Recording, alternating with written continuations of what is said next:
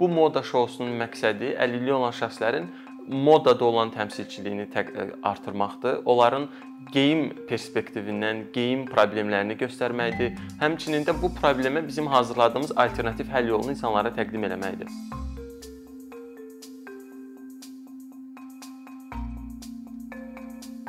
İnklüziv festivalı Azərbaycanda əlilliyi olan şəxslərin mediada və fəşn sahəsində təmsilçiliyini artırmaq üçün bizim təşkil etdiyimiz bir tədbirdir. Bu festival dekabr ayının ilk həftəsində baş tutur. Çünki dekabrın 3-ü Beynəlxalq Əlilliyi olan Şəxslər Günüdür və simvolik olaraq biz bu dövrdə, bu həftədə müxtəlif sahələrdə əlilliyi olan şəxslərin perspektivini və onların problemlərini təmsil etməyə çalışırıq.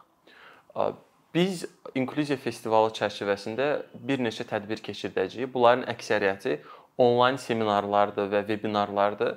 Hansı ki, əlilliyi olan şəxslər, əlillik sahəsində çalışan aktivistlər, əlillikdən başa çıxan digər ekspertlər bu mövzu ilə bağlı mainstream insan medianın çox müzakirə eləmədiyi, diqqətdən kənarda qalan, daha dərin və daha marjinal mövzulara toxunaraq əlilliyi olan şəxslərin həmin sahələrdəki həm perspektivini göstərir, həm orada görünməyən problemlər varsa, onları işıqlandırmağa çalışır, həm də çox danışılan problemlərin daha detallı, daha spesifik, daha akademik tərəfdən yanaşaraq onları araşdırmaçılar üçün, sahibkarlar üçün, aktivistlər üçün daha əlçatan formaya gətirir.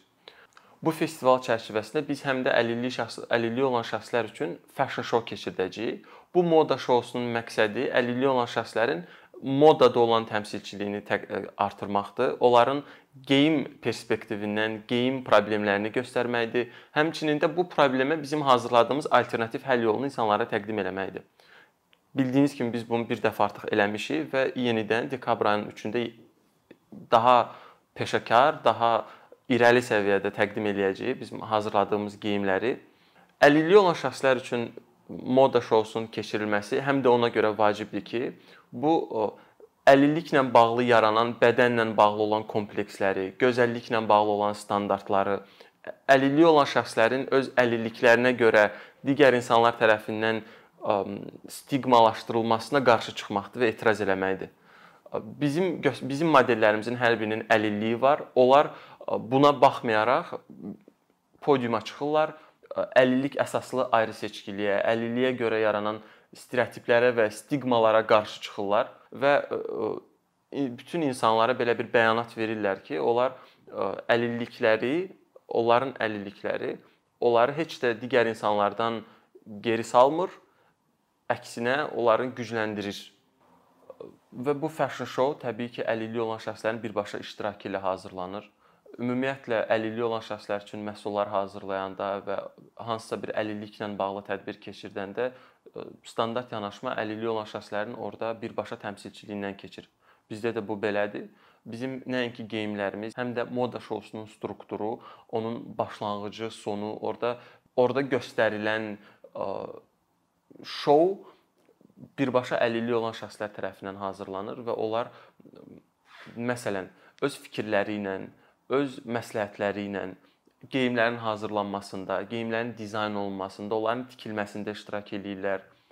Şounun keçiriləcəyi yer barədə fikir bildirirlər. Podiumun qurulması, həmin bu keçirilən məkanın əgər uyğun deyilsə əlilliyi olan şəxslərin ehtiyaclarına uyğunlaşdırılması, orada hər növ əlilliyə uyğun lazım olan həmin bu tələblərin təmin olunmasına qədər hər şey nəzərə almağa kömək eləyirlər. Çünki inklyuziya festivalı və bu festival çərçivəsində keçirilən tədbirlər bütün e, insanlar üçün əlçatan olmalıdır və heç bir şəkildə hansısa bir əlilliyə görə ayrı seçkilik yaratmamalıdır və kiminsə e, əlçatanlığı ora az olmamalıdır, belə deyək. Bu fashion show-da biz e, əlilliyi olan şəxslər üçün hazırladığımız 30 geyimi təqdim eləyəcəyik bu geyimləri 10 nəfər əlilliyi olan model hansı ki bizim keçən fashion show-da da iştirak eləyirdi, bu dəfə də iştirak eləyir. Həm də bizə yeni qatılan modellər var. Onlarla birlikdə nümayişini keçirdəcəyik, göstərəcəyik qonaqlara. Əlilliyi olan şəxslər üçün geyim hazırlamağın əsas sosial təsirlərindən biri də bu hazırlanan məhsulların və bizim fashion show-da təqdim eləyəcəyimiz geyimlərin əlilliyi olan şəxslərə həm vaxt, həm də enerji qənaət etmələrinə kömək eləyəcək. Bundan əlavə həm də əlilliyi olan şəxslərin geyim sənayesində təmsilçiliyini artırır. Hansı ki, bu dəqiqə bu çox aşağı səviyyədədir və biz digər geyim istehsalçılarına, dizaynerlərə, dərzilərə və geyimlə məşğul olan hər bir insana artıq bu problemi çatdırırıq və onlar da başa düşürlər ki, əlilliyi olan şəxslərin xüsusi ehtiyacları var və bütün geyim məhsullarında, nəinki geyim məhsullarında, digər səviyyələrdə də, amma konkret spesifik olaraq geyim sənayesində bu ehtiyaclar nəzərə alınmalıdır. Həmçinin biz insanların əlillik, digər cəmiyyətin digər fərdlərinin əlillik barədə olan fikirlərini də dəyişdiririk və mümkün olan ayrı seçkiliyin, mümkün olan stereotipləri aradan qaldırmağa xidmət eləyirik. Bu məqsədə dəstək olmaq istəyən izləyicilərimizi dekabr ayının 3-də Beynəlxalq Əlilliyi olan Şəxslər Günü münasibəti ilə keçirəcəyimiz Fashion Show-ya dəvət edirəm.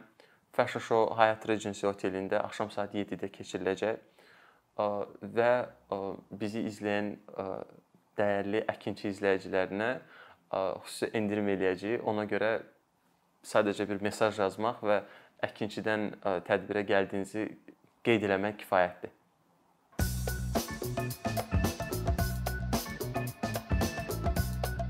Bir neçə ildir ki, əkinçi olaraq azərbaycanlı izləyicilərin hər zaman faydalana biləcəyi keyfiyyətli və ən əsas ödənişsiz kontent hazırlamağa çalışırıq. İndiyədək təqdim etdiyimiz onlarla animasiya və yüzlərlə çəkilişlər tələbələrin, mütəxəssislərin, müəllimlərin və ümumiyyətlə yeni mövzulardan xəbərdar olmaq istəyən çox sayda insanın marağına səbəb olub. Bu illər ərzində hazırladığımız videolar təhsil, texnologiya, ictimai fəallıq, iqtisadiyyat, gender bərabərliyi, ətraf mühit, ifadə ifadə azadlığı, hüquq, demokratik inkişaf, mədəniyyət və digər mövzuları əhatə edib.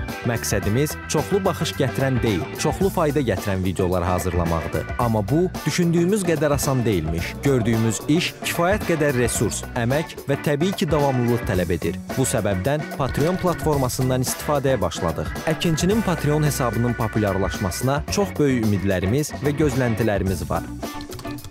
Bəziləriniz Patreon haqqında ilk dəfə eşidirsiniz. Əslində çox sadə izahı olan bir platformadır. Təsəvvür edin ki, siz rəssam və ya musiqiçisiniz. Sosial şəbəkələrdə sizi izləyən, işinizi bəyənən çox sayda insan var. Patreon platforması sizə imkan verir ki, izləyicilərinizin könüllü aylıq ödənişləri sayəsində işinizi davam etdirəsiniz. Sərgi, konsert zallarından asılı qalmayasınız. Amma bu təkcə rəssam və musiqiçilərə aid deyil. Məsələn, əkinçiyə bənzər fəaliyyətlə məşğul olan bəzi layihələrin 10 minlərlə patronu var. Biz də düşündük ki, nə üçün əkinçinin Patreon hesabı olmasın? Sizin dəstəyiniz sayəsində sayəsində biz daha çox və daha keyfiyyətli kontent yaratmağa davam edə biləcəyik. Amma bu dəstək yalnız maddi dəstək deyil. Dəstəkçilərimizin sayının artması gördüyümüz işlərin faydalı olduğuna dair əminlik verir.